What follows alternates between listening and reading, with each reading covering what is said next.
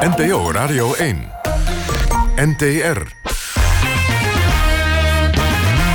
Kwesties met Marianne van den Anker. Goedenavond, vrienden van de radio. Welkom bij weer een nieuwe aflevering van Kwesties. Wij gaan zo direct uh, verder praten over Utrecht als internationale studentenstad... en waar moeten ze allemaal in godsvredesnaam gaan wonen. En over porno, vrouwvriendelijk, niet vrouwvriendelijk. Maar eerst gaan we natuurlijk naar het EK zwemmen. Arman Afsaroglu, hoe gaat het daar? Ja, het laatste nummer zit er net op. Derde dag van het uh, EK zwemmen in Glasgow. Twee medaillekansen waren er voor Nederland. Eerst op de 50 meter rugslag. Kira Toussaint in de finale. Maar zwom niet echt een goede race. Eindigde als laatste ver buiten de medailles dus. En zojuist, echt een minuut geleden, is uh, beëindigd de 4 keer 200 meter vrije slag bij de mannen. De estafette, ook daar deed Nederland mee. En ook daar kwam, kwam de Nederlandse ploeg niet in de buurt van het podium. Ze werden zevende. En dat terwijl ze nog wel de titelverdediger waren van twee jaar geleden. Verder nog even kort melden dat uh, Femke Heemskerk het goed heeft gedaan op de 200 meter vrije slag. Dat was een halve finale. Morgenavond de finale op dat nummer. Maar Heemskerk gaat als snelste die finale in. Dat wordt een serieuze kans op goud morgen voor Femke Heemskerk. En dat zou haar eerste goud zijn op de lange baan, individueel. Dus dat is iets om naar uit te kijken. Zien we ook Arno Kamminga overigens in actie op de finale op de 200 meter schoolslag bij de mannen. Dat was het vandaag vanuit Glasgow bij het zwem. Dankjewel vanuit Glasgow. Hier weer terug naar Utrecht, want daar staan wij bij het Sint-Jans Kerkhof midden in de stad. We zijn hier neergestreken met onze nieuwe prachtige bus. U kunt meekijken in deze mobiele studio via de app of op radio1.nl. We gaan het hebben over het te groot tekort aan betaalbare studentenhuisvestingen woningen in Utrecht. Het academische jaar is in aantocht, maar veel studenten en met name ook internationale studenten die hebben nog helemaal geen kamer. Utrecht verwacht 3800 internationale studenten en heeft grote ambities om een internationale topuniversiteit te worden. Nou ja, een creatieve oplossing, een snelle oplossing, daar kijken we natuurlijk allemaal rijkhalsend naar uit. En niet alleen omdat Utrecht voorbeeldstad kan worden, maar ook dat in al die andere steden waar universiteiten staan natuurlijk heel veel internationale studenten komen. De Universiteit in Utrecht die heeft in ieder geval een beperkt aantal plaatsen in de jeugdherberg nu geregeld. En op de plaatselijke camping, u hoort het al, ik moet er een beetje om lachen. Als je een topuniversiteit wil zijn en dan studenten neerzetten op de camping in een jeugdherberg. Dat zou toch anders moeten kunnen? Nou, moeten de gemeente en de universiteit niet veel meer doen... en ook veel sneller doen om deze ambitie van internationale topuniversitaire stad waar te maken. Er speelt hier nog een andere kwestie. Namelijk in Tuindorp Oost wonen een aantal studenten. Uh, 97, maar liefst. En die moeten eruit. Nou, Marit de Jong, je hebt een vereniging opgericht... want jullie wonen daar samen met een aantal oudere mensen... in een uh, oud verpleeghuis. De vereniging die jullie hebben opgericht heet... de Vereniging tegen Onverschilligheid. Hoe komt het nou zo dat jullie binnenkort op straat komen te staan? Ja, klopt. Um, Tuindorp Oost dat is een project waar jongeren en ouderen samenwonen. Is gestart in 2016 um, in verband met de verandering in de zorg... waarbij er uh, verzorgingshuizen worden gesloten. Dus heel veel ouderen die kwamen te overlijden. Er kwamen geen ouderen meer in dat, uh, in dat huis terecht. Dus er ontstond heel veel leegstand. En toen heeft men, Socius en Karijn hebben gezegd... laten we er dan jongeren en starters plaatsen. En Karijn, dat is de zorginstantie die dus zorgt voor de zorg aan de ouderen. En Socius, dat is een, um, een organisatie die de jongeren huisvest... die heel erg gericht is op uh, leegstandsbeheer. Dus die hebben toen gezegd van laten we daar dan jongeren plaatsen.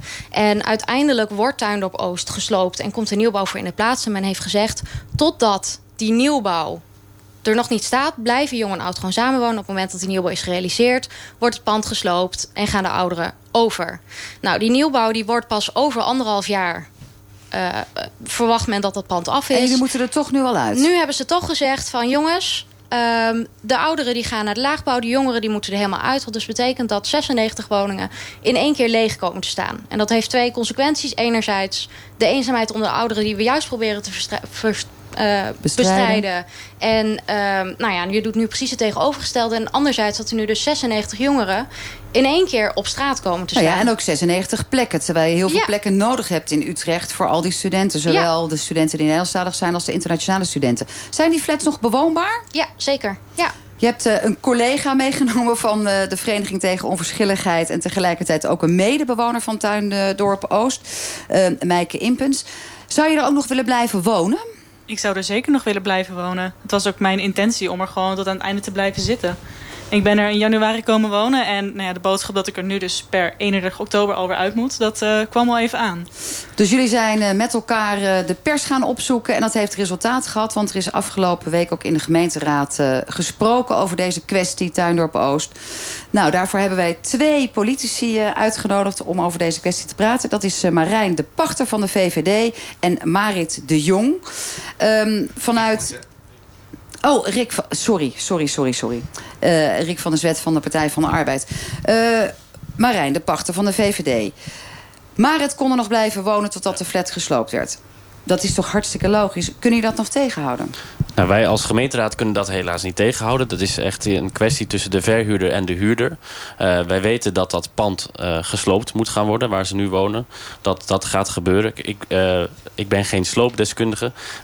op dit moment is gezegd inderdaad van de mensen moeten eruit omdat er sloopwerkzaamheden moeten gaan plaatsvinden. Nou, ik heb ook net uh, begrepen dat er nog uh, uh, overleggen zijn. Ja, er is een gesprek dus met de wethouder geweest. En de wethouder kan ook weer niks doen. Want die zegt eigenlijk hetzelfde wat jij kan. We hebben helemaal geen positie als gemeente. Nee, dat klopt helaas. Dus dit is echt een kwestie tussen, de, tussen Karijn, tussen de zorgverlener en de, nou, de verhuurders en de huurders. En ik zou, ik zou maar graag klinkt willen... toch eigenlijk, Marijn, ongelooflijk slap. Je wil topuniversiteit zijn. Je trekt heel veel mensen naar je toe, ook internationaal. En die kun je niet eens plaatsen. Ze moeten in een jeugdherberg en op de camping. Nou, ik zie hier graag ook het positieve van in. Want we hebben natuurlijk een aantal jaar geleden... Nou, het positieve van het feit dat de afgelopen jaren... Uh, een aantal, uh, of bijna 100 jongeren hebben kunnen wonen. Want eigenlijk hè, sinds 2015 loopt het een beetje leeg, dat gebouw. En toen heeft juist deze zorgverlener gezegd van... hey, we hebben een aantal jaar totdat het gesloopt wordt. Laten we het gaan gebruiken. En nu de afgelopen twee à drie jaar is het, gebruikt, of, is het gebruikt door een aantal jongeren. Bijna 100 100 man hebben daar twee jaar lang kunnen wonen. Dat is een heel goed initiatief geweest. En ik zou graag, willen dat dat meer gebeurt. Het, was ook een soort best practice als je het hebt over het mengen van oud en jong. Absoluut, ja. En dat gooi je nu zomaar weg. En dat laat je een zorginstelling zelf besluiten... zonder dat je als gemeenteraad wat aan kan doen. Nou ja, we hebben die bevoegdheid simpelweg niet. Dus het is, het is een kwestie tussen verhuurder en huurder. Hoe ga jij het dan oplossen? Moet er een leegstandsverbod gaan komen? Moeten er sociale bindingseisen komen voor de stad? Mag er niet gesplitst worden? Nee, dat, ja, dat soort oplossingen zie ik niet zitten. Uh, ik denk dat uh, Rick van de Partij van de Arbeid wel uh, meer aan een, leeg, leegstandsverbod zou denken. Maar kijk, in Utrecht is zoveel vraag naar woningen... dat er eigenlijk nauwelijks leegstand is. Dus Utrecht heeft dat probleem niet zo heel erg. Heel vaak is er een, zit er een reden achter als er iets leeg staat. Bijvoorbeeld in Hooggaterijnen staat maar er laten we even leeg. iets innovatiefs bedenken. Een aantal andere steden zitten met hetzelfde probleem. En Nijmegen heeft een aantal innovatieve oplossingen bedacht. Uh, het Student Hotel zou hier ook eventueel... Student Hotel uh, zou ik fantastisch vinden. Als dat jij zou, dat komen. fantastisch ja. vinden. En waarom vind jij dat fantastisch? Nou, dat is een, een, een, een concept, uh, een soort hotel... met name voor die internationale studenten... die, die dan tijdelijk hier in Utrecht komen wonen... en dus ook in zo'n soort concept zouden kunnen wonen... Uh, ja, het is, het is wat duurder inderdaad. Maar met, internationale studenten hebben daar vaak hebben heel veel moeite om een kamer te vinden. En voor een deel van de internationale studenten kan dit echt een oplossing zijn. Ik heb ook tijdens de campagne een half jaar geleden regelmatig internationale studenten gesproken die dit ook graag zouden zien zitten. En uh, ja, er zitten voor hun ook bijvoorbeeld andere faciliteiten bij, zoals een, nou, ze kunnen daar een fiets hebben, ze kunnen daar sporten, ze kunnen, ze hebben allerlei faciliteiten. Luxe handel, waardoor Nou ja, zij ook vrij veel ook geld betalen, zij 900 euro soms voor een kamer per maand. Het zijn ook dingen waar zij vaak naar op zoek zijn. Als ze hier vanuit een ander land komen als ze daar vanaf dag één van allerlei faciliteiten gebruik kunnen maken... en bereid zijn om daarvoor te betalen. Want dat, het is niet verplicht of zo. Er, zijn, er, is, er is vraag naar. En uh, als dat, dat, dat kan een mooie toevoeging zijn. Ik denk die we dan in, dus dat jullie in, vinden vanuit de VVD Ja. dat Student Hotel als concept... een goede Ja. oplossing voor de ja, internationale ik denk niet dat we studenten in een positie zitten om dat... Partij van de Arbeid, eh, Rick van der Zwet. Eerst maar eens even over Tuindorp Oost. Ehm, jij zit in de oppositie, dus je kan eigenlijk helemaal geen deuk in een pakje boter slaan... eh, vanuit de Partij van de Arbeid. Eh, heb je nog creatievere ideeën om Tuindorp Oost overeind te houden... en deze 97 eh, jongeren daar te laten blijven wonen de komende anderhalf jaar? Ja, natuurlijk. Er is altijd meer mogelijk. Het klopt, formeel gaat de gemeente er niet over. Maar je kan wel politiek ook lef tonen. En dat hebben we ook geprobeerd. Wij zijn eh, bij de bewoners langs geweest. Wij zijn samen met de bewoners de raadzaal ingegaan. Hebben daar vragen gesteld. En echt erop aangedrongen bij de wethouder. Doe alles wat je kan. Ha- Pak, eh, haal Karijn erbij. Haal Zenzo, de projectontwikkelaar erbij. Haal iedereen erbij. En doe wat je kan om leegstand te voorkomen. Maar dat is allemaal hartstikke leuk. Dan zegt waarschijnlijk zo'n wethouder... nou, dan zet ik ze om de tafel. Wat wil je dat de positie wordt van de wethouder? Wat moet hij zeggen tegen deze lui allemaal? Nou, die moet in, de, in deze zeker druk zetten op het feit dat je... Eh, want het is een schitterend project. Want we hebben het over ouderen en jongeren die kunnen samenwonen... om eenzaamheid tegen te gaan. Het is echt een, een, iets heel moois in onze stad. En dat stopt nu. En tegelijkertijd zie je dat dat leegstand... Uh, want ik hoor net, er is weinig leegstand in Utrecht. Ja, hier dus dadelijk wel. Een projectontwikkelaar krijgt een positie. Het grote geld heeft zijn weg. En vervolgens staat een pand een jaar lang leeg... terwijl daar 94 mensen kunnen wonen. Dat is de wereld op 3800 internationale studenten die hier een plekje moeten krijgen. Vorig jaar hadden jullie de 3500. Utrecht wil universiteitsstad worden. We hebben aan de universiteit ook gevraagd van kom meepraten. Het is hartstikke leuk dat jullie studenten uh, aantrekken... en ook veel collegegeld binnentikken. Maar je zadelt de stad op met het probleem van het vinden van goede huisvesting. Wat moet de universiteit doen in jouw ogen? Nou, de universiteit heeft een, een soort programma ingezet van internationalisering... alsof het een doel op zich is. En dat lijkt mij onzin. Het is prima dat er ook internationale studenten naar onze stad komen. Dat is ook een verrijking. Uh, ik snap ook dat de universiteit dat doet. Want dat is ook het verdienmodel hè, als je meer studenten hebt. Maar hè, wel het totaalplaatje. Dus als hier studenten heen komen... moet je als universiteit ook voor zorgen dat er fatsoenlijke huisvesting is. Dat mensen een kamer kunnen vinden en hier kunnen verblijven. En niet, want ik hoorde net de voorbeelden over het Student Hotel... wat dus 900 tot 1000 euro huur is... maar wat ook, uh, waar mensen ook geen huurrechten hebben. Dus daar zit je dan 6, 7, 8 maanden. En als zij het huurcontract willen opzeggen, dan houdt het op. Als zij hun, uh, jouw kamer in willen, dan kunnen ze dat. Nou, dat is een bizarre situatie. Jij bent dus tegen dat uh, student hotel concept. Er is ook net een motie over aangenomen. Maar wat voor verwarring over is. Hè? Want de uh, uitbater van het student hotel, uh, Frank Uffe... die denkt nog steeds dat hij hier welkom is. Die zegt, ja, het is gewoon een hotel. En er zijn andere regels voor dan voor het verhuren van kamers. Waarom ben je dan niet overtuigd door wat Rick van der Zwet zegt? Namelijk, dat, de mensen die er wonen hebben helemaal geen rechten. Nou, het, het, klopt gewoon dat het inderdaad een ander soort concept is. Het is short stay. Het is van twee weken tot tot een jaar en langer niet. Dus het is nooit een normale huurrelatie waarbij je inderdaad een, een bepaalde tijd in een, in een woning gaat zitten. Hey, ik heb zelf ook op studentenwoningen gezeten. Dan ga je toch voor een langere periode ga je een uh, huurcontract aan... en dan wil je inderdaad huurbescherming hebben. Maar als je hier specifiek aan het begin van weet... ik kies voor het studenthotel... Uh, dan weet ik van tevoren als ik naar Nederland kom... als ik naar Utrecht kom... ik zit in een goede faciliteit en ik ben bereid ervoor te betalen, is er toch geen enkel probleem. Studenten vragen we even aan jullie, uh, en uh, uh, Marit. Is dat nou zo'n goed, goede aanvulling, zo'n studenthotel? Meerdere steden hebben het al. Zou dat voor Utrecht een uitkomst zijn? Nee, ik denk het niet. Ik denk dat juist met de internationale studenten het heel belangrijk is dat ze ook integreren met de Nederlandse studenten. Ik denk dat juist als je al die internationale studenten op één hoop gooit, dat je juist veel minder die integratie krijgt. En dat ook heel veel internationale studenten weer naar hun eigen land gaan. En voor een deel moet dat natuurlijk ook. Um, maar ik denk dat je ook een deel van die internationale studenten hier wil houden. En hier die kennis wil houden. En daarnaast denk ik ook die internationale studenten, juist door die hoge huurprijzen, ze hebben eigenlijk geen keus. Want er zijn geen goedkope alternatieven. Dus ze moeten dat aanbod wel aanvaarden. Sluit je daarmee arme studenten uit? Ja, dat denk ik wel, ja. ja nou, dat is natuurlijk voor de PvdA misschien wel reden om te zeggen... Utrecht moet stoppen met internationale studenten aan te nemen, de universiteit. Nou, zolang we niks met huisvesting regelen, dan uh, kan dat zeker. Is dat uh, voor jullie dit... echt bespreekbaar, een, een, een, stop voor internationale studenten? Nou, ik denk de stop is veel radicaal. Uh, want de universiteit is ook bezig met het regelen... of probeert op verschillende manieren huisvesting te regelen. Ik denk dat dat de goede weg is.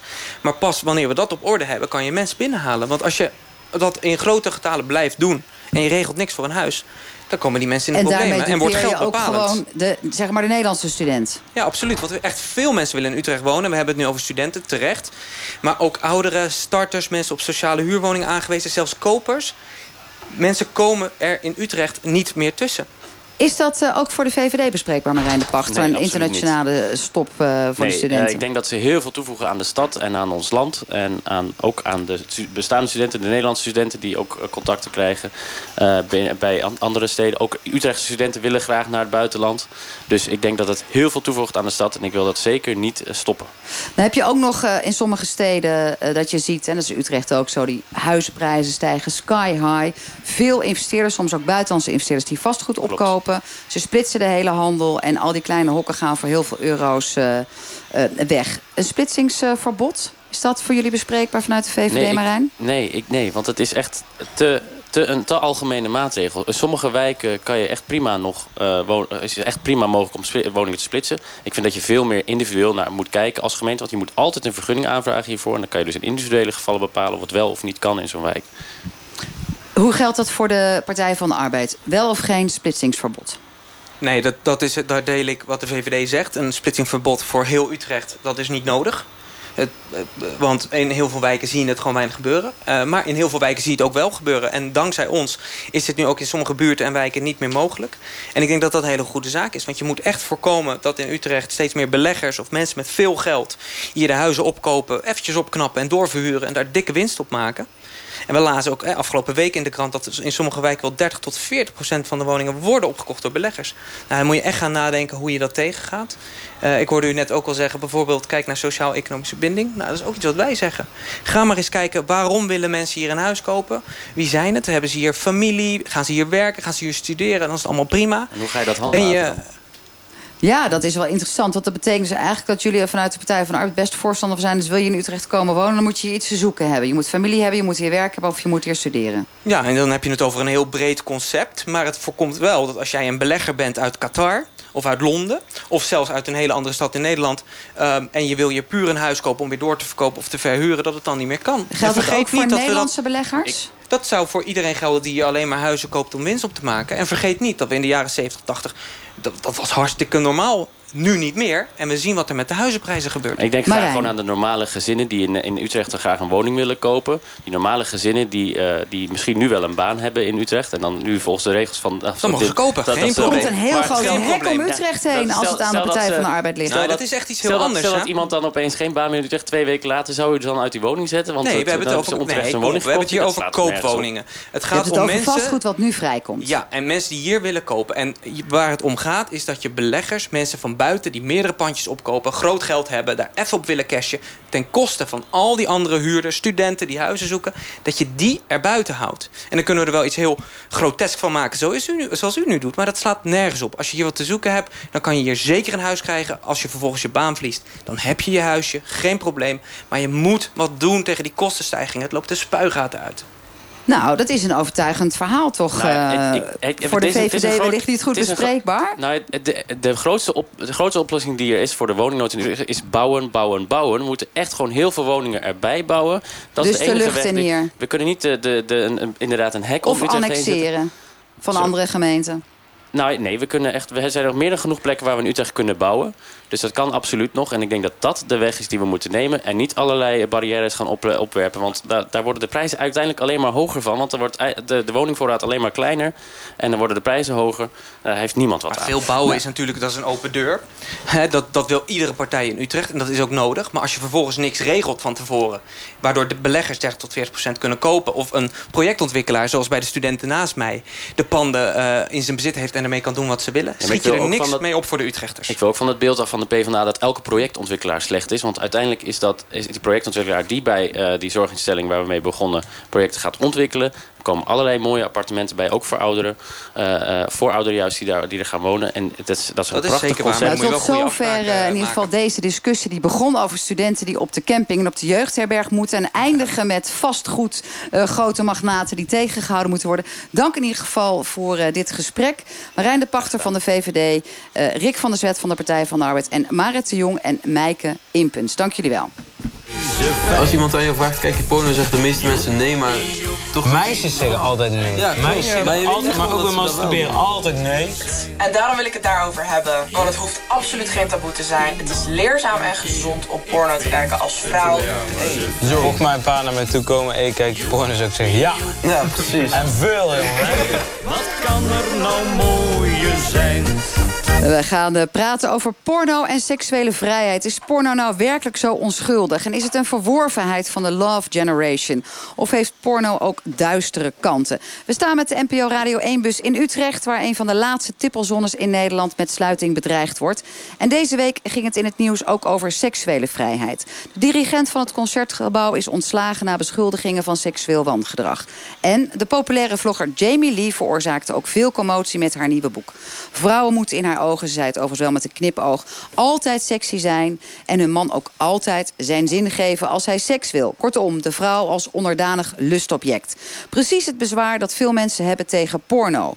Porno zou vrouwonvriendelijk zijn. De man zou domineren. En porno wordt überhaupt gezien als meer een mannending. 70% van de mannen schijnt naar porno te kijken. Of het officiële metingen zijn, weten we niet. Tegen 30% van de vrouwen. En het zijn wel officiële metingen natuurlijk. Maar hoe eerlijk zijn mensen over het feit dat ze naar porno kijken? Wij vroegen de mensen op straat of ze wel eens naar porno kijken. Ik heb het wel eens gekeken, maar het doet mij eigenlijk helemaal niks. Ik heb er gewoon niet zo interesse in. Uh, vroeger wel, nu veel minder. Ja? Zo simpel is het. En wat een, een... Nee, nou, ik heb wel eens wat gezien natuurlijk, anders kan ik er niet over praten. Maar ik, uh, nee, ik zou niet, uh, en zeker als het over kinderen gaat, vind ik dat helemaal erg. Want daar hebben we het nu niet over gehad. Maar um, nee, ik, uh, ik, ik vind het vreselijk. ja, ik kijk zelf wel eens. Ja, zeker. Kijk ik zelf wel eens porno? Ja, ik kijk wel eens porno. Ja. Uh, ja, ik kijk soms wel eens porno. En ik denk dat vrouwen het minder snel toegeven. Maar stiekem denk ik dat heel veel vrouwen ook wel porno kijken. Ik kijk zeker porno, ja. Niet vaak, maar wel regelmatig. En dat 30% van de vrouwen porno kijkt, daar geloof ik niks van. En 70% van de mannen ook niet. Ik denk dat dat absoluut hoger is. En er wordt hier al gelachen. In de bus uh, Vincent Boykars. Jij hebt uh, voor de VPRO het project Vieze Film uh, gemaakt en eigenlijk ook uitgevoerd. Het was een zoektocht naar goede porno. Het leek wel of meer jonge mensen porno keken dan ouderen. Verbaas je dat? Nee, Nee? nieuwe generatie is gewoon opgegroeid met internet. Dus die uh, hebben dat heel snel weten te vinden, denk ik. En het verschil is denk ik dat de nieuwe generatie, de jonge mensen, veel jonger beginnen met porno. Terwijl uh, ja, je moest vroeger gewoon 18 plus zijn om überhaupt een soort van porno te kunnen kijken. Ja, het was dus best wel later. moeilijk om daar zeg maar doorheen te komen met je angst dat het misschien toch ontdekt zou worden. Ja, ja precies. En die 18 plus hoek in de videotheek of zo is toch een hogere drempel dan die twee ja, klikjes met een fake account. of het kan ja. zelfs tegenwoordig helemaal anoniem. Ja, precies. Ja. Je hebt wel eens in een interview gezegd uh, dat je van je elfde uh, af... minstens 10.000 of misschien wel 15.000 pornofilms gezien hebt. Wat was er ja. nou zo boeiend aan? Ja, kom op, als je puber bent, uh, dan seksualiteit is wel het meest interessante wat er is natuurlijk. Dus, en als je dan mensen kan observeren die, die seks hebben... Dan ga, dan ga je daar vanzelfsprekend helemaal in uh, verdiepen. Ook omdat het gewoon anoniem kan en heel snel en easy. Um, dus, uh, maar wat er zo interessant aan was... Of ging je maar door? Ja, het wordt wel een gewoonte. En, en kun jij ook vertellen wat jouw patroon was? Keek je eerst maar op meer softere porno? Werd het daarna ja. steeds heftiger? En, en... In het begin heb je gewoon genoeg aan een, uh, een gifje... of een stilstaand plaatje van een blote borst. Ja. En later wordt het steeds extremer. En uh, wat ik nu kijk is in die, in die zin echt niet meer te vergelijken... met wat ik toen keek. En waar ben je nu zeg maar uitgekomen? Wat vind je nu plezierig om naar te kijken? Uh, nou, ik ben op dit moment, uh, wat ik vooral kijk, is amateurporno. Omdat het voor mij het dichtst bij de, de realiteit uh, ligt. En voor mij het meest geloofwaardig Zo mensen die is. zelf zo'n cameraatje ja, neer hebben gezet. stelletjes die met ja. elkaar seksen. Maar dat zijn ook stelletjes. Die, die kennen elkaar op seksueel vlak heel goed. En die gaan dus heel diep in die seksualiteit. En ze hebben er oprecht plezier van. En het feit dat het dan gewoon op een statief gedraaid is... slechte kwaliteit, dat boeit me dan niet. Dat geeft me een gevoel van echte, oprechte seks. Ja. Had jij wat vanaf je elfde keek je al naar pornofilms? Dus we kunnen zomaar aannemen dat jij eerder zeg maar uh, uh, seks had en seksuele ervaringen ik, via ik, internet dan echte ja, seks. Ja, ik heb denk ik uh, duizenden pornofilms gezien voor ik überhaupt zelf voor het eerst seks had. Klopt. En dat is wel problematisch. Als in problematisch weet ik niet, maar ik vind het zonde, omdat ik had veel liever. Uh, die seksualiteit ook wel meer willen ontdekken met mijn eerste vriendinnetje. En op die manier met z'n twee dat avontuur uit uh, aan te gaan. In plaats van heel ja, gebrainwashed of geïndoctrineerd te zijn... door al die beelden die je dan wel uh, op internet uh, hebt gezien. Dus ik ben er wel redelijk En, en jouw vriendinnetjes, ik neem aan dat je ook niet bij één bent blijven hangen... maar dat je meerdere vriendinnetjes al achter de rug hebt. Wisten die ook van jouw voorkeuren op, op pornogebied... en wat jij lekker vond? Of heb je dat dan nou weer ja, niet met nee, hem besproken? Toen ik tiener was en begin twintig en zo, uh, deed ik, was dat wel echt private of zo. En ik ben ook al een keertje betrapt door mijn ex. En die was echt ook overstuur. Want voor haar voelde het echt alsof ik was vreemd gegaan. Omdat ze in mijn geschiedenis had gezien dat ik porno Hmm. keek.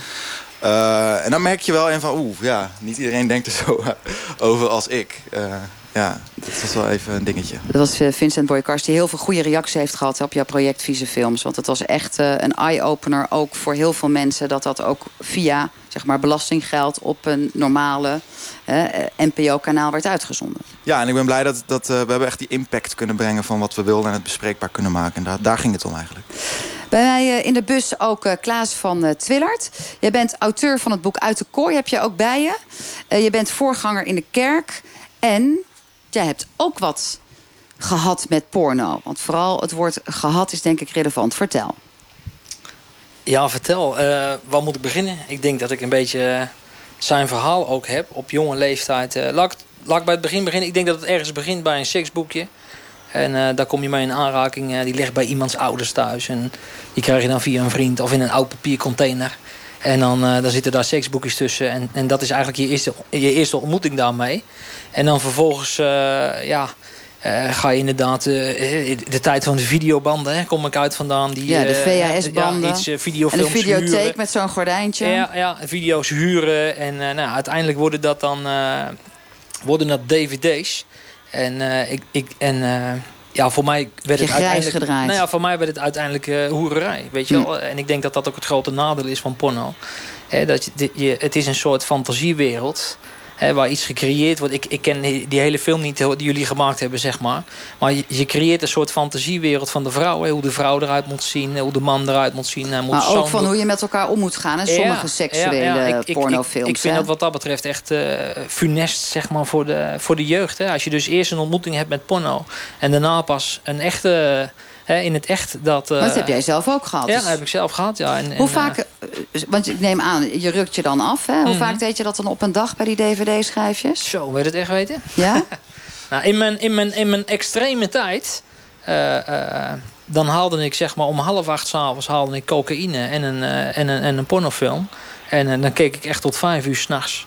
eh keek ik porno en snoof ik cocaïne en, eh, en noem het maar op. En had je die Om ook nodig om vaker klaar te komen? Nou, dat werkt niet echt met kook zo, want dat duurt het meestal langer of je komt helemaal niet klaar. eh, hè? Dus het is een heel apart effect ook nog eens een keer. Maar het is, ja, ik weet het niet. Je zoekt elke keer maar weer naar, op, op zoek naar die ultieme kick en de ultieme beeld. En, en het is daar gewoon niet te vinden. Weet je? Ik heb dat nooit kunnen vinden daarin. In de vrouwen niet, in, in de hoerij niet, in de porno niet. En had je in die tijd een relatie ook? Ja, ja. En wist jouw vriendin, vrouw Nee. er vanaf? Nee. Dus deed je ook allemaal nog in het geniep? Ja, alles stiekem, ja. ja. Ik denk dat, dat de hele pornowereld, de mensen die daarnaar kijken... eh, dat die vooral een gevoel van schaamte... vooral een, een gevoel van schaamte met zich meenemen. Was jij porno verslaafd, denk ja, je? absoluut, ja. ja. En jij eigenlijk ook, Vincent Boykars, als je dat erop terugkijkt? Nee, ja, mm, lichte verslaving misschien. Maar het is nooit echt een bedreiging geweest. En het was in mijn puberteit een hoogtepunt. Mhm. Maar toen ik ouder werd, werd het ook steeds, steeds minder. Heel geleidelijk eigenlijk. Dus verslaafd wil ik niet zeggen. Maar wel er tegenaan misschien op een bepaald moment. Dus we komen zo bij jou weer terug, want je bent Mhm. een hele andere kant eh, opgegaan. Ja. Je bent er echt vanaf. Die spanning Gelukkig houden we nog Ja. eventjes vast. We gaan eh, eh, praten met filosoof Jan de Boer en zijn partner Carolien van Wijngaarden. Die zijn 58 en 55, beide gespecialiseerd in tantra. En die organiseren ook het jaarlijke Tantra Festival hier in Utrecht. Wat moest de luisteraar zich voorstellen bij Tantra, Tantra Seks, Jan? Eh, nou, tantra gaat niet alleen over seks, maar tantra is eigenlijk een onderzoek naar het verlangen. En in één zin samengevat kan je vrij zijn in het verlangen. En als je dan kijkt naar porno, dan zeggen we altijd... het gaat niet om wat je doet, maar hoe je het doet. Even los van hoe het gemaakt is, want dat is wel een drama. Kan ik in vrijheid kijken naar porno... zonder dat ik door hoef te klikken, zonder dat ik mezelf af hoef te rukken... maar ook zonder dat ik eh, denk, het mag niet. Kan ik het gewoon in openheid met Caroline delen en daar vrij zijn. Dat is eigenlijk wat je in tantra in alle verlangens zoekt. En ook in seksualiteit. En dan is het heel interessant. Kan je naar één pornobeeld kijken. Voelen dat je vrij bent in het verlangen. Zonder dat je verder iets moet. En dan is porno, seksualiteit, eigenlijk een vorm van meditatie. En dat is interessant. Kan je die twee totaal verschillende werelden bij elkaar brengen. Daar gaat tantra En wat over. is er dan meditatief aan? Want sommige mensen die luisteren zullen denken... nou, die hebben bepaalde visies van een pornobeeld. Hè. Soms ook met hele dominante mannen. En in elk gat van de vrouw zit ongeveer een rampenstampende... hele grote piemel. Ehm, en je hebt natuurlijk ook de amateurseksbeelden... wat veel liefdevoller is en veel... alles. Totaal verschillend. Wat voor een pornofilm heb jij in gedachten... als je het hebt over dat het bijna spiritueel is en bijna meditatief? Nee, Ik, het gaat mij niet zozeer om wat voor beeld ik in gedachten heb... maar kan ik zelfs... Kijk, je kan niet altijd kiezen voor die beelden. Dus de kunst is om bij wat voor beeld dan ook vrij te kunnen zijn. En als je daarmee geconfronteerd wordt, dat het je niet overspoelt. En wat levert je dat dan op als je deze levensstijl van tantra eh, handhaaft, toepast? Vrijheid. Geen verslaving, maar wel kunnen genieten van wat er is. En ook samen jij, met eh, Carolien daarvan kunnen genieten... zonder daarin te ver te gaan. Ja, daar kan ik wel iets over zeggen. Van, bij mij kan ik sinds die tijd gewoon zonder boosheid... Dus dat- dat- ook in dit gesprek, ik zou zeg maar tien jaar geleden hier geen eens een gesprek over kunnen hebben. Ik zou echt gelijk boos worden. Maar boos waarover? Eh, sowieso het woord porno al. Daar krijg ik al een soort eh, boosheid over van. En een boosheid met name van. Eh, ja, wie, denk je, wie denken jullie wel dat je bent? Weet je? Maar dan denk je aan de makers? Die, de makers, de kijkers. Het, kijk, want dat staat niet los van elkaar. Die kei- er is zoveel vraag naar. Er is zoiets. Ja, het schijnt zo te zijn dat de helft van internet bezaaid is met eh, porno. Ja. Dus er is zoveel vraag Vanaf naar. welke leeftijd ging jij zelf porno kijken? Eh, uit mijzelf ben ik eigenlijk nooit porno gaan kijken. Dus dat is echt Moest toen ik in een relatie... leren nee, daarvoor eigenlijk al. Maar dat was eigenlijk doordat er al eh, de, de relaties die ik had... dus dat ze het in het geniep deden. En dat deed mij eigenlijk... Ja, dat vond ik echt heel erg. En toen ben ik eigenlijk ook wel gaan kijken. En wat wel is, en dat vind ik nog steeds wel eigenlijk een bijzonder verhaal. Dat is toen ik Jan leerde kennen, dat ik, eh, hij op een gegeven moment ook voorstelde om naar porno te kijken. En toen dacht ik, oh shit, weer zo'n man. En toen... Hij is, is auteur van allerlei tantra-boeken. Je had beter kunnen weten. Hij heeft daar vast de ja, bedoeling maar toen was dat nog niet zo. Want wij kennen elkaar nu 15 jaar. Dus eh, toen was hij daar nog niet zo mee bezig. Dus het punt is, dat, dat zat in mijn hoofd. Terwijl Jan die zei toen ook van ja... maar ik wil eigenlijk kijken met jou... van wat het met mij gewoon ook doet. En gewoon samen. Dus ook gewoon je pijn daarmee. Dus eh, vanuit de tantrische kijk daarop... is het eigenlijk met elkaar wel kijken. Maar ook... Ja, waar zit, waar zit je pijn eigenlijk? En waarvoor Is dat dan jouw persoonlijke pijn? Of ook de pijn als je ziet hoe sommige vrouwen in pornobeelden worden geschoten? Eh, Ja, ook. Persoonlijke pijn en ook als je dat ziet. En het aparte is er wel van dat je even ook een soort opwinding voelt. Dus dat is er ook. En toch is het ook heel leeg. En het is ook heel pijnlijk eigenlijk. En dat harde, terwijl je ook weet... want we kunnen kijken dus dat de mannen dat dan zo doen... maar er zijn ook echt vrouwen die dat wel fijn vinden. En dat harde. Dus ja. Nou ja, we hadden twee gasten waarvan er één ook eh, echt dat harde heel plezierig vindt. Ze zegt ja, dat overdrevene gedoe, dat als die man dominant is, eh, dat dat vrouwenvriendelijk zou zijn. Ik vind dat heel plezierig. Maar ja, je bent onze enige vrouwelijke gasten vanavond, Caroline. Want die andere twee vrouwelijke gasten hebben afgezegd. Waarvan er één ook echt actief bezig is met porno. Ook een porn creator is. Ehm, maar het neemt niet weg dat wij een fantastische andere gast nog eh, in onze bus hebben. Cesar Majorana. Je bent presentator en columnist. Ehm, ja, jouw kijk op porno. Kijk je eigenlijk porno? Ja, zeker weten. En heb jij nog een voorkeur? Eh, nee, ja, pornodiversiteit is voor mij echt. Ik heb, ik, het ligt echt aan de, aan de stand van de maan bijna. Ik kijk gewoon op maandag, heb ik een gevoel hierbij. En dat kan de volgende dag totaal anders zijn. Ehm, ik denk dat het vette aan inderdaad het internetaanbod van porno is dat er zoveel is. En dat je dus voor iedere stemming en iedere eh, mogelijkheid wel wat kunt vinden ook.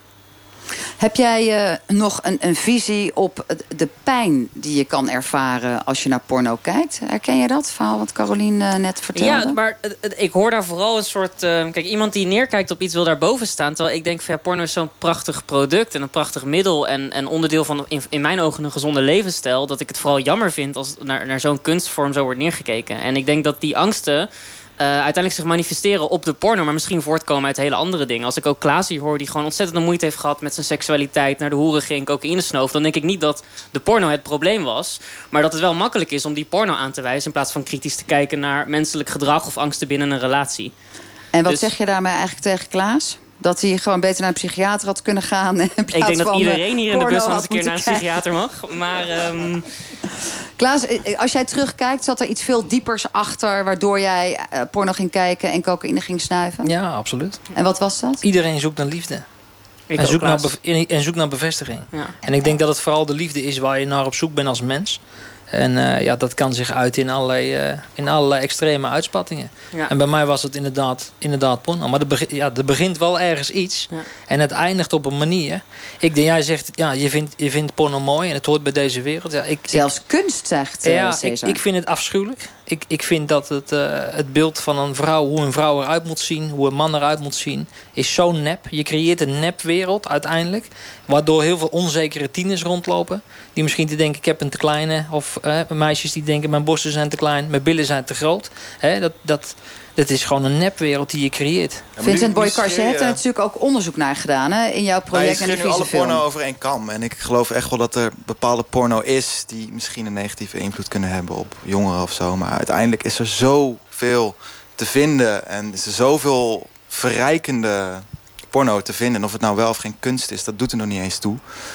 Dit heeft, het is, heeft Maar wat echt is de verrijking dan? Is dat dat je verschillende standjes ziet die je na kan doen? Of is het de verrijking dat je eh, eh, je eigen lusten kunt opwekken... waardoor je misschien ja, vaker of kan ontdekken klaarkomen? ook wat je wel en niet interessant vindt op seksueel gebied. Jezelf daarmee verrijken. Ehm, je, je kan het gebruiken als communicatiemiddel inderdaad. Naar bijvoorbeeld je vriendin toe. Zeg van, nou, het is bijvoorbeeld ook heel handig voor. En ehm, het, het kan ook gewoon een pure uitlaatklep zijn. Als jij seksueel gefrustreerd bent, is het ook wel fijn dat, je, dat, dat er gewoon een uitlaatklep is. En dat je gewoon Ja, maar even- heb je daar dan... Want dat, dat is natuurlijk, je hebt de fantasiewereld en je hebt de pornowereld. Je kan natuurlijk ook gewoon eh, als vrouw masturberen, als man lekker klaarkomen. Met een fantasiewereld in je hoofd. Waarom heb je dan Ja. daar een plaatjes bij nodig? Ja, maar dat is het hele probleem van deze hele beeldcultuur. En al het beeld wat op ons afkomt, het, het, het, het, eh, het gaat ten koste van onze fantasie. Alleen het ding is, ja, we moeten het ermee doen. We moeten leren leven met dat beeld. We praten hier nu eh, heel makkelijk over eh, seks en porno... terwijl het natuurlijk toch voor heel veel mensen nog een taboe onderwerp is. Is porno nou slecht of valt het eigenlijk wel mee? Ehm, we hebben ook op straat gevraagd of porno nou taboe is voor mensen. Seks eigenlijk in het algemeen. Maar vooral porno kijken bij vrouwen is een heel groot taboe. Vrouwen schamen zich ervoor dat ze het doen. Nee. Helemaal nooit? Nee. Nooit gedaan? Nee. Je weet niet wat porno is? Ik tuurlijk weet ik dat. En jij? Ook niet. Kijk je dan alleen of... eh, Alleen kijken. Niet... eh, Nee. Ja, dat klinkt dan toch wel weer alsof er een taboe is. Terwijl bij de eerste reacties van mensen op straat of zo eens keken... waren mensen toch wat opener.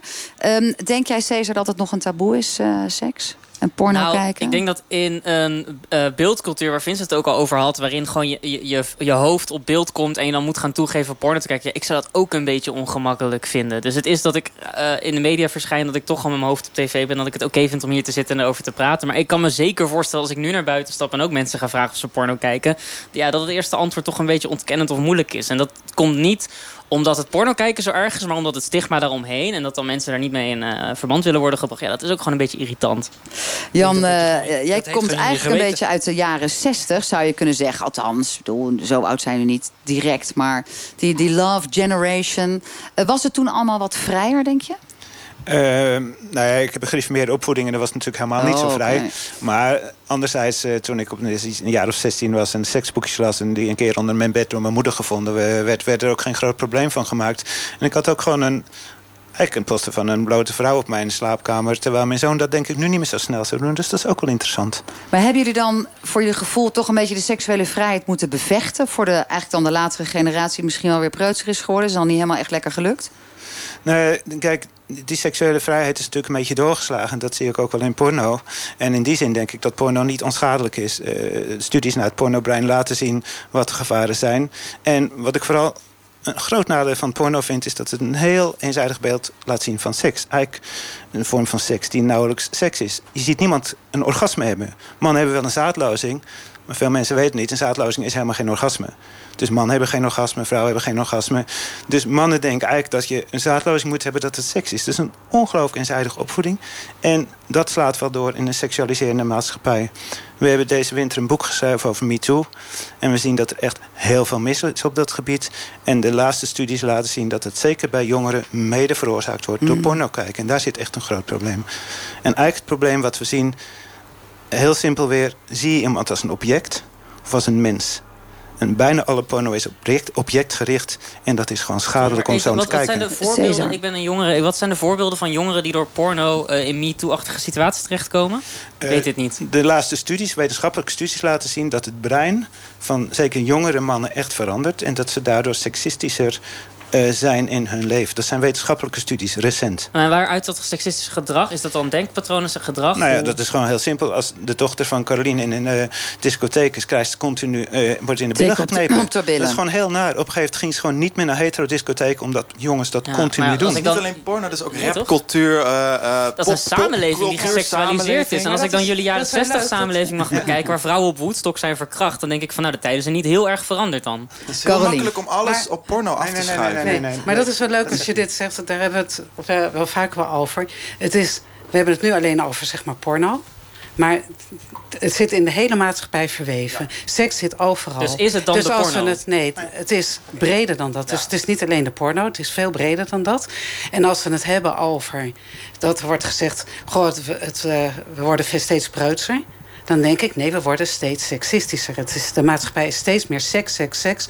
Alle reclame, alle beelden. Waardoor het is dat je bijvoorbeeld als vrouw niet meer eh topless gaat of wat dan ook. Want het wordt gelijk, een borst wordt als seks gezien. Alles wordt, alles is seks. En daar heb jij, eh seks Cesar. Majorana, ook een mening over, hè, richting eh, RTL. Weliswaar in een column geschreven, maar toch een stevige mening. Wat Eh, vind niet jij? alleen eh, dat, ik won, ik won een paar een maand geleden won ik de Best Social Media Award voor mijn Instagram-account. En toen ik dat podium kreeg en ik zag dat RTL die prijs aan me uitreikte, dacht ik: wacht even, dit is mijn moment. Ik wil heel graag iets zeggen over de YouTube-kanalen die RTL onderhoudt voor jongeren. Die heten Concentrate, hebben een half miljoen abonnees. Worden ontzettend gekeken door eh, kinderen aan de leeftijd van 7 tot 15 jaar. En de content daarop, de video's die zij maken, die zijn allemaal heel erg seksgeoriënteerd. Dus dat wil zeggen dat eh Monica Geuze, Femke Louise, twee idolen voor meisjes van 12 zou ik zeggen, eh, in een interview aan elkaar vragen: ben je wel eens in je reet geneukt? En ik zie dat en ik maak zelf ook televisieprogramma's voor die doelgroep. Ik schrik me kapot. Ik denk, ja, dit is niet hoe het hoort. Dus dan hoor ik hier inderdaad, ja, precies, de samenleving seksualiseert in zulke erge mate dat eh, de porno niet het probleem is, maar het feit dat alles porno aan het worden is om ons heen op een niet zulke emanciperende en wat gezonde Vincent manier. zegt over de rapcultuur. Nou, het is gewoon ook een voorbeeld van waarin dat geuit wordt en waardoor dat wordt versterkt. Maar ik wil ook de rapcultuur niet stigmatiseren, want Nee. ik luister heel veel rap en ik hou ervan. Maar eh, dus laat ik het even nuanceren. Maar het is dus een veel groter ding. En het hele probleem met porno is denk ik dat het is een heel makkelijk doelwit om het vingertje naar te wijzen. Sterker nog, als je bij mij thuis komt en je ziet mij in mijn huis... dan ben je niet verbaasd dat ik er woon. Dan denk je, hey, Cesar is hier. Maar als je porno kijkt en je ziet dan dat, hè, dat, er, dat er seksuele handelingen zijn... dan vind ik het heel raar dat mensen daarvan schrikken. Ik schrik er meer van als RTL een video maakt met twee popsterren... waar seks in voorkomt, dan dat ik porno kijk maar dat heeft er porno in RTL zit. nog gereageerd op jouw eigenlijk eh, Ja, een soort oordeel? little woordvoerder statement van... eh, we hopen dat de maatregelen vanuit YouTube komen. Terwijl ik denk, ja... Ja, die eh, wijzen dan ook weer lekker vrolijk naar elkaar. Precies dat. Klaas, ehm, jij hebt dat probleem gehad met eh, porno kijken en cocaïne. Je bent inmiddels vanaf. Eh, hoe slecht vind jij inmiddels dat porno is? Nou, laten we vooropstellen dat alles wat jij ziet en wat jij hoort... heeft impact op jouw brein. Hij zei het net ook al. En eh, ja, ik, ik, ik ben er gewoon echt 100% van overtuigd... dat porno kijken ontzettend slecht voor je is. En, en dat heeft gewoon te maken met wat je ziet... wat er gepresenteerd wordt. En, natuurlijk zijn er, zullen er verschillende soorten porno zijn... Maar ik ken, ik ken bijvoorbeeld mensen, als ik een voorbeeld mag noemen... wat ik denk wat werkelijk gebeurt... is dat er mensen zijn die beginnen met softporno... uiteindelijk kijken ze naar bondage-scènes... eh, vervolgens kijken ze naar verkrachtingsscènes. Ik ken mensen die dat tegen mij eh, verteld hebben... van joh, ik, krijg, ik kijk hiernaar en Denk eigenlijk dat wil ik het het niet. aantal verkrachten, dat het een relatie heeft met Ja, verkrachtingen? ja, dat geloof ik 100%. Want het is namelijk zo dat jij iets kijkt en het is een fantasiewereld. En uiteindelijk zul je het zelf willen doen. Dus wat jij net al zegt, hè, je, je leert de seksualiteit door. Dus jij wil dus hè, dat een vrouw jou zo bevredigt. Je wil dat een man dit of dat, al dat doet. Dus uiteindelijk ga je het willen wat jij ziet. Dus als je naar verkrachtingsscènes kijkt... herken je dat, Vincent Boykars? Nou, ik vraag me gewoon af als je dus actiefilms kijkt en eh, met heel veel geweld wil je dan ook mensen gaan vermoorden of zo. Ik, ik Ja. vind het een beetje Je ziet dat heel, heel vaak met makkelijk. schietpartijen, dat dat kinderen zijn die enorme eh, schietpart- eh, schietspelletjes doen. Alleen maar dat soort dingen. bijvoorbeeld. maar dan, zijn vaak die wel media zo. gaan consumeren omdat ze al aangetrokken zijn tot dit of is de porno dan eerder? Ik denk, ehm, eh, eh, wat, ja, wat voor mij heel erg speelt hierin is dat we een onderzoek hebben gezien in Denemarken... waarin ze mannen hebben gevraagd... wie van jullie kijkt er geen porno? Want daar hebben we een testgroep om te zien... wat de effecten zijn op mensen die dat niet doen. En toen konden ze niemand vinden. Dus Nee, gek genoeg kijken we eh, allemaal porno. eh, kwesties eh, iemand gevonden die ook obsessief naar porno keek... en er vervolgens mee wilde stoppen. En dat ook op abrupte manier heeft gedaan. Luister even mee naar de twintiger Jeroen de Roos. Hij heeft heel veel porno gekeken en vond dat het echt slecht voelde.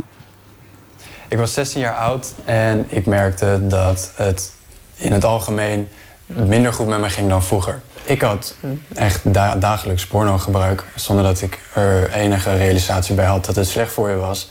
Maar als je dagelijks blootgesteld wordt aan iets wat zo makkelijk en op een onnatuurlijke manier je dopamine laat stijgen, dan, dan je, worden je dopamine-receptoren die worden uitgezet door je lichaam. En word je op den duur steeds ja, eigenlijk ongevoeliger voor prikkels die je normaal gesproken wel blij zouden maken.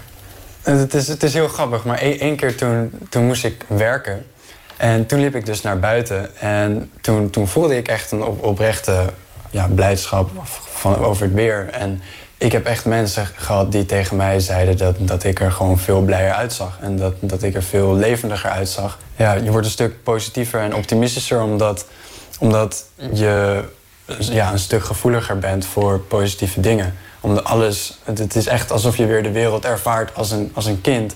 Omdat alles nieuw voelt. Omdat je opeens weer heel veel meer dopamine-receptoren hebt... Die, die ook maar een kleine dopamine veel beter opvangen. Je, je wordt er een stuk gevoeliger voor.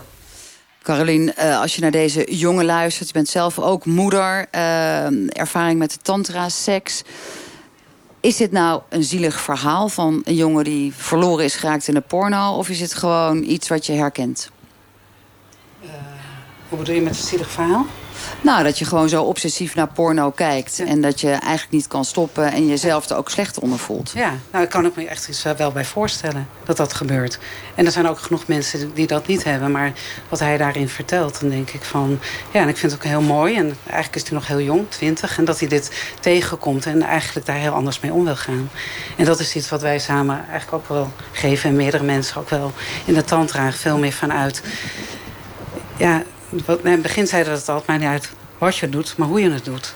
En als je dat in En die de, en de verbinding positie doet... van de vrouw daarin, hè, want we hebben het al een paar keer over gehad. Mhm. Eh, er zijn verschillende visies ook over in deze bus. Van de ene zegt van nou, het, is, het kan best vrouwvriendelijk zijn. En toch is de overtuigende mening van heel veel mensen dat porno vrouwonvriendelijk is. Zelfs porno wat speciaal gemaakt is voor vrouwen. Ja, ik denk dat het door veel mannen wordt gemaakt. Door dat het op een bepaalde manier.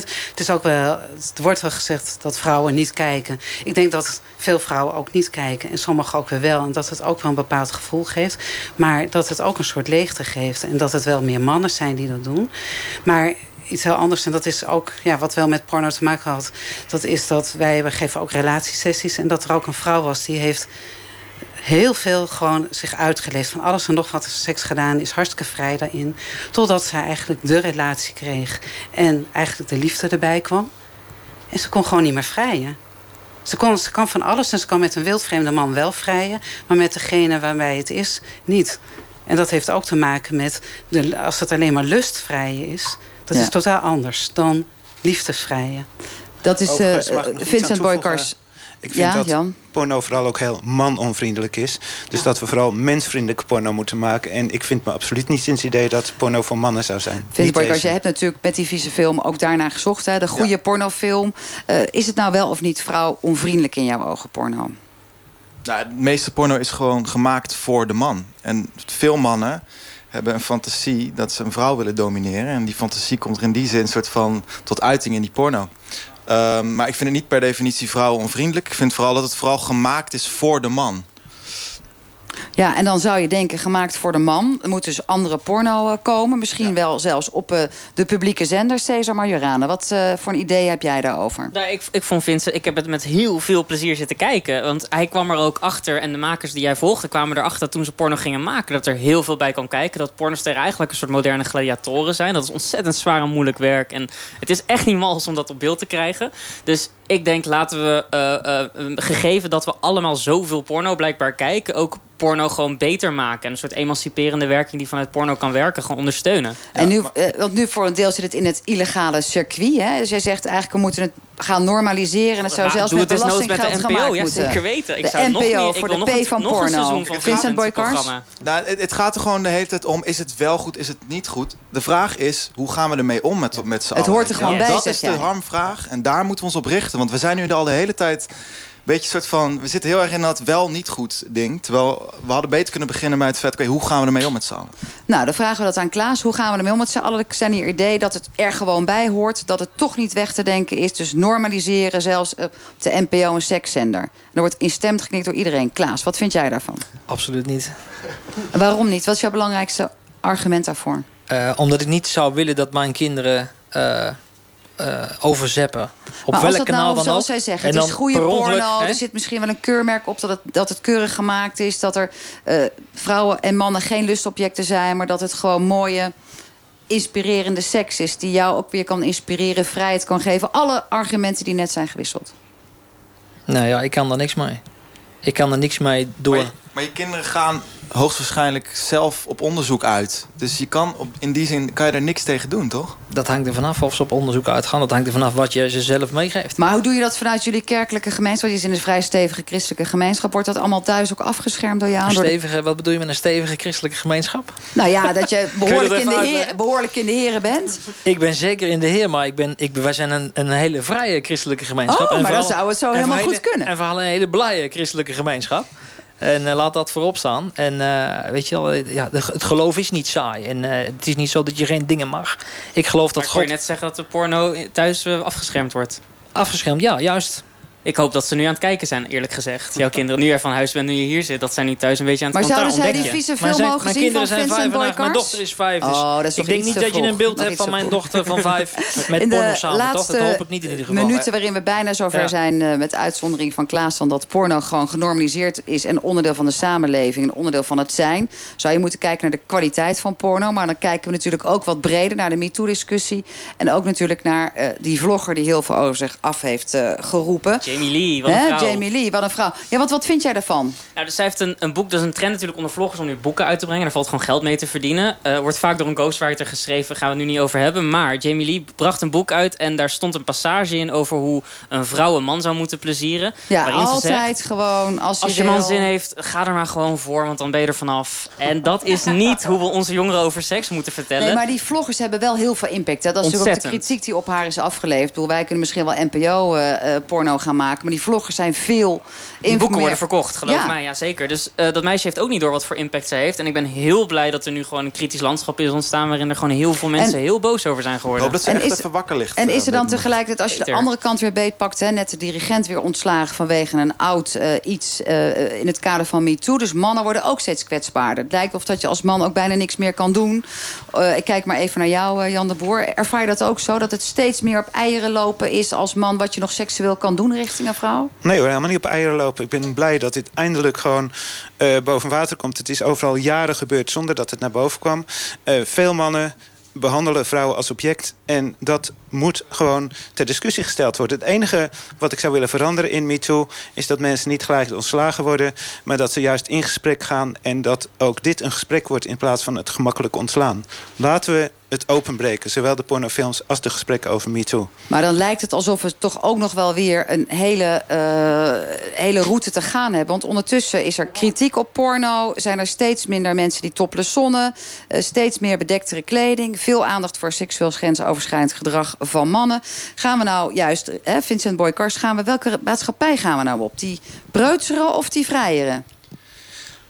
Nou, we moeten het gewoon allemaal eh, normaliseren vooral. En er gewoon met elkaar over hebben. En waar we gaan we naartoe vind ik heel moeilijk te zeggen. Ik bedoel, ik Wat ben zou jij willen? socioloog. Ehm, ik zou willen dat we gewoon in principe open met elkaar kunnen spreken over alles. Dus of het nou seks is of eh, water. Ja, Carolien wil graag wat zeggen. De enige vrouw, jij krijgt geef iets moois weg. Ja. Zo aan het einde van deze Nou, het uitzending. allerbelangrijkste wat ik vind en wat, wat mij vrijheid heeft gegeven... is dat je het in verbinding brengt. Dus, dus, de, dus je hebt je hoofd en je hebt je hart en je hebt je lust. Dus alles wat daar zit. En als dat hier, in, hier weer in het hart zit, in die verbinding... dan is er heel veel gewoon mogelijk. En dan zeg je ook tegen jonge meisjes, kijk gewoon porno... want dat kan je ook echt wel eh, eh, verder Ja. brengen. Ik weet niet of dat je verder kan brengen, maar om het niet te kijken, daar geloof ik niet in. Dus dat het er ook is en dat dat. Klaas, jij bent natuurlijk eh, eh, van de porno af inmiddels. Wat eh, Halleluja. gun jij eh, ons als samenleving? Wat, pre- wat preutser? Jezus. Wat preutser of juist wat moderner en opener? Ik denk eh, dat je je eigen af moet vragen... hoe wil je dat je vrouw zich kleedt? En hoe wil je dat mannen naar je vrouw kijken en naar je kinderen kijken? Ik denk dat dat heel belangrijk is. Ik denk dat kleding en, je, en je, hoe je eigen gedrag, waarom je vraagt... ik denk dat dat cruciaal is. En Nou, ik denk is- dat dat... Mooi, en zo sluiten we deze uitzending van Kwesties eh, af vanuit Utrecht. Geniet allemaal nog van de avondzon. Eh, volgende week zijn wij er weer. Hebt u een idee, mail ons dan. En blijf kijken zo direct, want er zijn weer radiopodcasts... eh in het kader van de verkiezingen. Dank jullie allemaal. En op naar een genormaliseerde pornosamenleving... of eentje met helemaal niets. NPO Radio 1. Je weet, nutteloze kennis bestaat niet. Kim Jong-un wil vasthouden aan wat? Kom maar op met alles wat je weet. Het zat wel goed met de parate kennis. Ik hoop het wel. Doe mee met de NPO Radio 1 pubquiz. Het laatste, dat wist je meteen. Ja, dat wist ik meteen. Kijk maar op het formulier. groot vraagteken. Bekende Radio 1-presentatoren stellen de vragen en jij mag de antwoorden geven. Welke verslaggever was dat? Jack Vergelder. Ah, kijk, precies. En welke wedstrijd? Kom langs in Zwolle of Utrecht en speel mee. Aanmelden kan op nporadio1.nl slash pubquiz.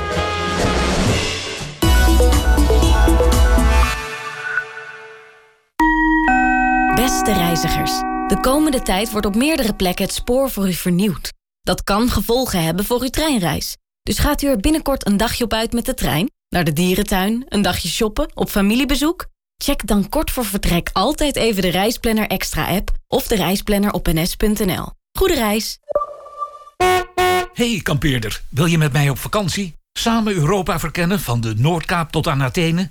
En als we dan een schitterende kampeerplek gevonden hebben... staan we ook binnen vijf minuten. Snel en efficiënt. En na een paar dagen reizen we zo weer verder. Maak je dromen waar en beleef met mij al je kampeeravonturen. Het echte kamperen begint bij kip. Kijk op kipkamperen.nl en bezoek de Kip Kampeerstore. Marktplaats heeft alles voor de tuin. Lekker voor liefhebbers van mooi weer. Zoals Maria, die geen zonnestraal wil missen. Dus kocht zij een lichte loungestoel op Marktplaats. En nu draait zij elk uur moeiteloos met de zon mee. Dus hoe je de zomer ook wilt vieren, ga ervoor. Het begint op Marktplaats. Het echte kamperen begint bij kip. Kijk op kipkamperen.nl. Je hebt nog meer zekerheid met de gelijk oversteken service op Marktplaats. De verkoper ontvangt jouw geld als jij je aankoop in huis hebt. Ga ervoor. Het begint op Marktplaats. NPO Radio 1.